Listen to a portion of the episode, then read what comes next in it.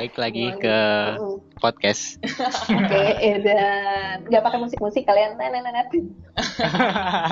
Ntar itu diedit, itu diedit. Oh itu diedit.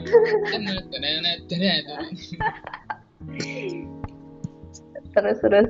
Oke, okay, pertanyaan selanjutnya hmm. dari Ed Adi Swito. Uh, mm Cara membangun desain thinking dari Kak Ana itu gimana? Desain thinking yang biasa aku lakuin di project aku sih biasanya pertama banget harus paham ya, kayak bukan sekedar tahu, tapi paham apa masalahnya, apa value-nya, terus apa aja nih si perkaranya, terus lingkungannya gimana sih, uh, kita ngedesain buat siapa sih gitu. Udah itu aja tuh barulah muncul ke tahap cari ide. Aduh ini kayak gimanain ya dengan ruangan yang kayak gini kompleksitasnya kayak gimana ya buat nya gitu. Udah kasih solusi yang berangkat dari situ terus kita sajiin deh gitu. Kalau kreatif thinking eh kalau design thinking dari aku sih gitu. Cuman kalau misalnya model design thinking yang aku suka ini aku suka model design thinkingnya human centered design. Kalau kalian cari tahu itu uh, untuk beberapa kasus, khususnya kalau misalnya aku lagi di daerah-daerah nih, aku pengen ngembangin desain, ya aku uh, sedikit banyak pakai model design thinking, eh creative thinking itu sih si human centered design itu, gitu. Terus Kak Ana kan tadi kan bilang bahwa desain-desain itu punya statement visual yang yang keras itu yang apa ya dan cukup kuat jelas, itu ya, nggak keras kuat, juga sih. Nggak radikal aku tantang nah mm. itu gimana caranya Kak Ana tuh nonjolin statement visualnya itu? Tadi kan oke okay, kadang ada project yang monokrom berarti nggak harus selalu dengan warna. Nah sebenarnya apa namanya personality kita itu bisa disalurin lewat mana aja sih sebenarnya gini ya ketimbang aku nampilin di mejeng gitu ya diri aku tadi tuh yang sempat aku bahas itu adalah desainnya harus kontekstual dulu gitu. Hmm. ketika aku bikin satu uh, visual statement yang kuat tapi itu projectnya adalah hunian gitu itu kayaknya nggak nggak cocok juga gitu. Jadi ya harus ada uh, pembatasan di ruang-ruang tertentu yang ingin aku sajiin. Jadi kayak mungkin ya visual yang statement yang kuat di sana tuh mengalami apa ya mengalami penurunan di kekerasan itu gitu. Kekerasan yang tadi kalian sebut gitu. Yeah. jadi mungkin di di hunian itu kita agak meminimalisir itu gitu.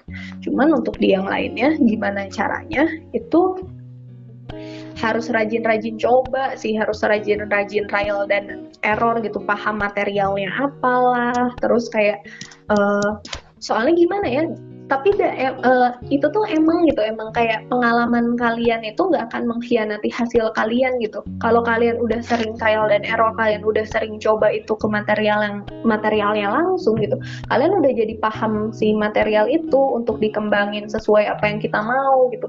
Jadi jawaban untuk itu semua lagi-lagi kembali ke pengalaman kalian mendesain sesuatu belajar dari yang kecil dulu gitu. Oke, mantap ini dari mm. belajar dari yang kecil ini uh, udah baca CV-nya Kak Ane mm-hmm. menemukan kata yang sangat mendalam mungkin small but impactful small small but nah, impactful ya. nah itu uh-uh. kenapa memegang prinsip itu kak small but impactful ya ya mm-hmm. sebenarnya gimana ya? Karena sesimpel ini sih kenapa small but impactful? Karena pada akhirnya gitu setelah pengalaman yang aku dapatkan aku hanya ingin berusaha menjadi sesuatu yang real gitu. Aku nggak apa ya aku lebih mending milih kecil tapi real daripada gede tapi muluk-muluk gitu.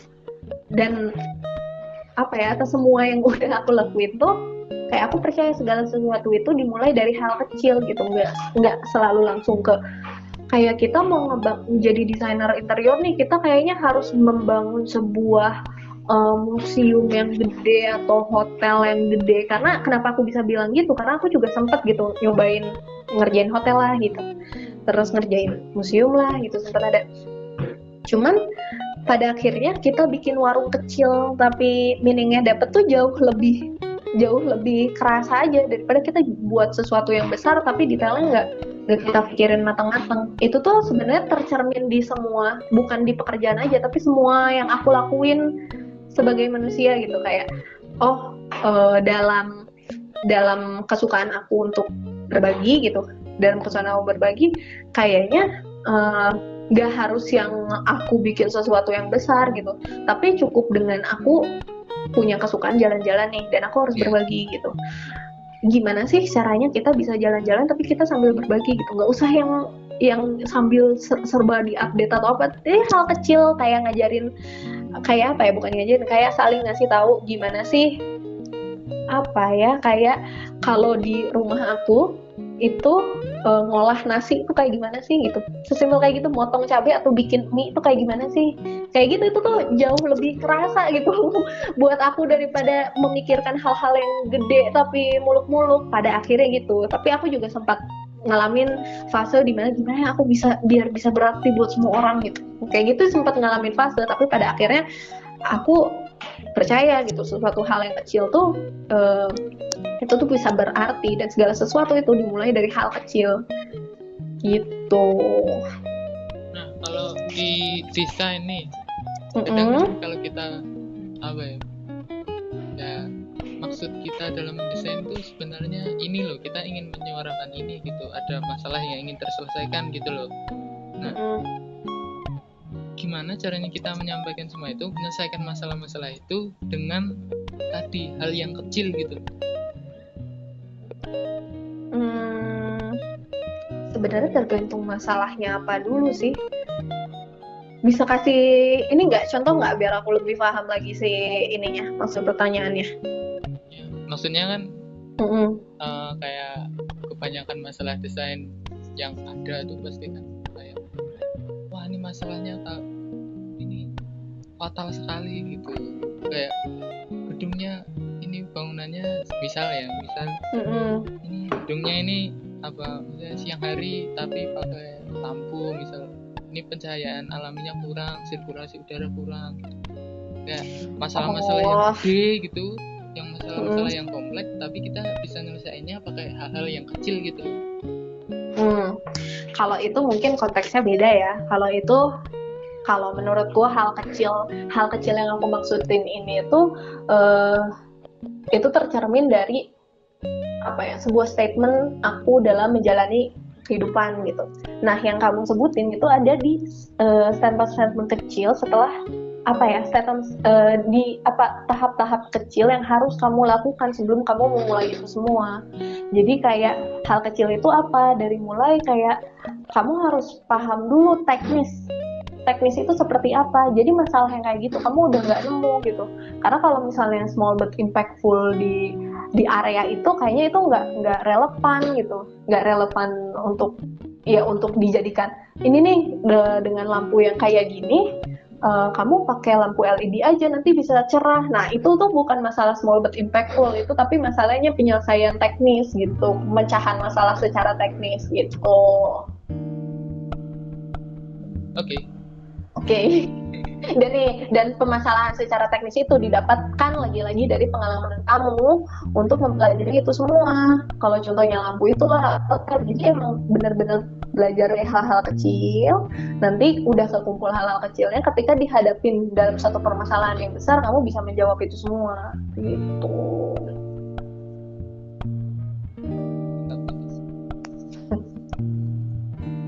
apalagi apalagi hmm. Diem aja iya diem aja nih. Bareng dong komunikasinya biar dua arah tiga arah ya ini tiga arah. Tiga arah. Karena jalan-jalan gitu sebenarnya apa nyari pengetahuan baru gitu dari daerah yang didatengin gitu. Hmm, nyari kalau nyari pengetahuan baru sih sebenarnya pengetahuannya tuh bakalan ini sih bakalan datang sendiri sih. Jadi kayak setiap traveling tuh kamu tuh akan akan di apa ya akan ditunjukkan dengan hal-hal baru mulai dari lingkungan baru dan sosial baru dan tatanan kebudayaan yang baru gitu ya. Jadi di sana otomatis kamu dapat pembelajaran itu sendiri. Dan sebenarnya kalau dari jalan-jalan sendiri itu uh, yang aku dapetin itu banyaknya adalah ke hal uh, ini sih melihat banyaknya perbedaan yang kita punya dan memaknai kayak menghargai banget perbedaan yang ada di setiap ya setiap daerah lah atau bahkan di setiap orang yang ada di sana tuh kayak gimana kalau Kak Ana sendiri suka ke, ke, um, suka traveling ke tempat yang kayak gimana sih Kak? Kalau aku nih jujur aja dulu awalnya kalau aku nabung mau traveling tuh pengennya ke negara-negara tetangga yang deket biar biar ya keluar lah gitu ya kali-kali. Cuman pas apa ya pas ke sini sini aku mikir ya mungkin yeah. kalian nanti akan ngerasain juga sih kayak ada pertanyaan-pertanyaan di diri kita kayak kamu tuh mau jadi manusia yang kayak gimana sih gitu kak sebenarnya apa sih manusia tuh apa sih ya kita juga akan mengalami itu sendiri gitu dan saat aku mengalami itu gitu aku aku nyoba untuk oke okay, jalan-jalan di yang deket dulu mulai deket dulu daerah Jawa. Kayak aku sempat cerita kan uh, ke Jogja sendirian misalnya kayak gitu. Uh, itu tuh untuk untuk tahu sebenarnya apa sih yang benar-benar uh, pengen aku dapetin gitu. Makanya di uh, setiap apa ya perjalanan yang aku suka ke sini-sini sih itu sedikit banyak merubah gitu kalau dulu tuh yang aku jadikan tujuan adalah tempatnya gitu tempatnya ke mana tapi kalau sekarang tuh lebih kayak ke uh, apa sih yang unik yang ada di sana gitu.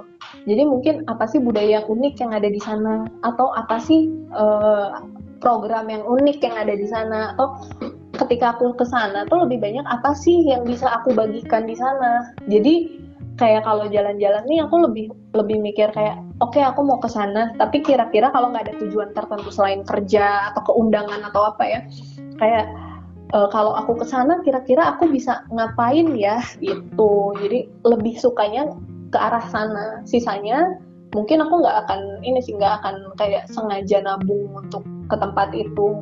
Kalau akhir-akhir ini sih gitu. Nggak tahu ntar ya gitu. Terus arti mm -hmm. Budaya ya, buat Kak Ana tuh apa sih sebenarnya. Apa? Arti, arti. dari budaya uh jadi kan ke sana karena ada keunikan di sana. Nah, Kak Anu bisa perbaiki di sana. Nah, sebenarnya budaya waktu Kak Anu ke sana terus nemu budaya baru itu berarti seperti apa sih buat Kak Anu? Hmm, kalau arti budaya ya tadi kan nanya arti budaya makanya aku kaget. Kalau arti budaya itu kalian tuh sebenarnya tahu nggak sih kalau budaya itu adalah salah satu kata yang paling susah didefinisikan gitu. Makanya kayaknya aku nggak se apa nggak sepemahaman itu buat ngejelasin budaya itu apa gitu. Tapi kalau menurut pengetahuan aku yang terbatas ini budaya itu adalah uh, salah satu penciptaan tertinggi yang mampu diciptakan oleh manusia. Dan artinya itu ada banyak banget. Kayak kalian suka dengar nggak sih? Kayak itu orang-orang nggak berbudaya. Nah orang-orang nggak berbudaya dalam artian itu jadi budaya itu bisa dijadikan uh, apa? Mengandung sorry. Jadi budaya itu mengandung nilai norma.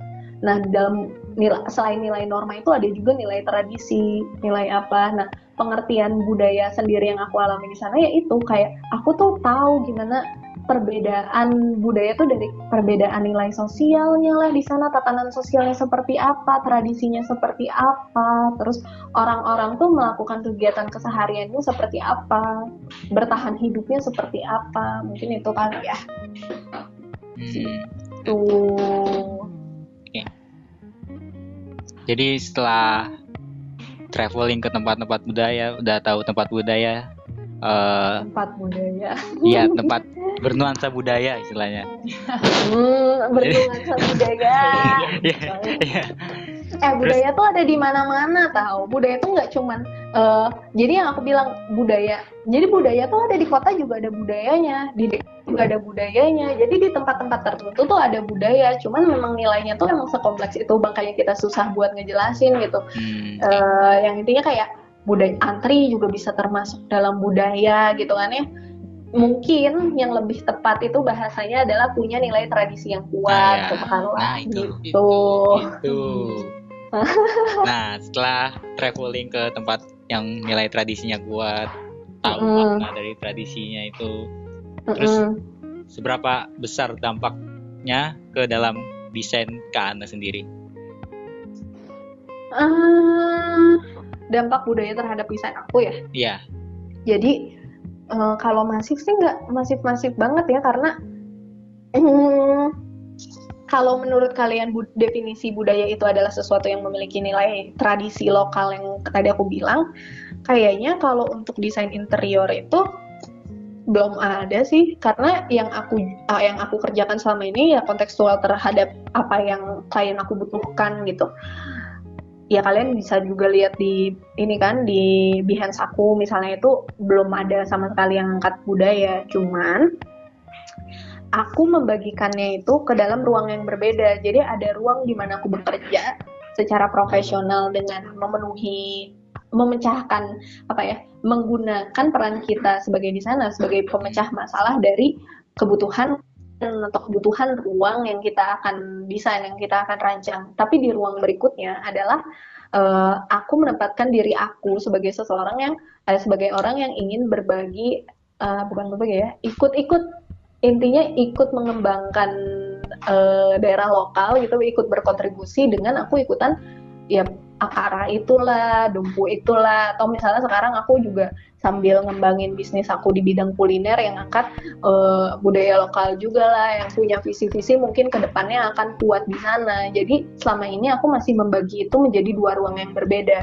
ada mungkin ada ketika di satu proyek tertentu mungkin akan ada satu benang merah atau satu jalan tengah. Cuman yang jelas pasti akan ada apa ya akan ada batasan tertentu akan ada penyesuaian yang ada di dalamnya. Jadi nggak mungkin nggak akan bisa plek-plekan gitu. Itu sih. Terus, karena kembali lagi desain itu harus kontekstual ya teman-teman. Yeah. selama mengerjakan proyek interior suka dukanya mm -hmm. apa sih kak? Ini dari pertanyaan dari Dimas Rohman. Suka duka saat mengerjakan proyek interior. Ini banyak kali. banyak banget. Ah, apa ya? Kayak bingung gitu kalau nggak ditanya secara spesifik apa coba ya bentar aku coba nginget-nginget suka dukanya adalah oh sempat jadi aku kan harus kontrol nih aku harus kontrol ke project. Cuman yeah. waktu itu keadaannya aku habis kecelakaan guys. Terus kayak kaki aku tuh emang benar-benar lagi sakit kaki aku waktu itu lagi sakit. Terus tapi mau nggak mau aku harus tanggung jawab sama kerjaan aku gitu. Jadi waktu itu keadaannya bangunannya bangunannya lagi belum benar-benar utuh dan aku harus naik. Itu lagi ngerjain hotel. Aku harus naik tiga tiga lantai gitu dan itu pakai tangga tangga bambu gitu. Sedangkan kaki aku lagi sakit. Itu yang paling susah adalah turunnya sih. Nggak mungkin kan kayak tiba-tiba aku ditolongin sama tukang gitu. Ya, itu berusaha sendiri suka duka. Itu yang satu. Masalah survei lapangan itu akan selalu menjadi suka duka sih buat aku. Terus suka duka lainnya apa ya? Dealing sama klien yang yang kayak gitulah gitu. Uh, apa ya? Maksudnya kayak uh, banyak revisian gitu ujung-ujungnya ke desain awal gitu. Terus nggak nggak yang yang paling susah itu adalah ngedesain buat seseorang yang sebenarnya dia sendiri nggak tahu maunya apa gitu. Makanya dari dari situ tuh ya aku bilang tadi aku sempat ngomong kayak sebelum ngedesain kalian harus paham dulu ini tuh konteksnya apa ini tuh value-nya apa. Jangan sampai kalian dipermainkan sama klien-klien yang kayak gitu gitu. Malah yang ada kalian yang harus mengkonsultasi ya kalian sebagai konsultan desain gitu ya aku sebagai konsultan kalian yang harus mengedukasi klien kalian gitu kayak sebenarnya yang kalian perlu ini loh. Kalau kalian melenceng dari ini sebenarnya nggak apa-apa tapi sayang sama bisnis kalian gitu. Banyak sih apalagi ya iya banyak banyak banget lah gitu. Tapi nggak tahu lupa kalau misalnya ditanya gitu doang gitu. Project nggak jadi lah udah ah gitu kan. Gitu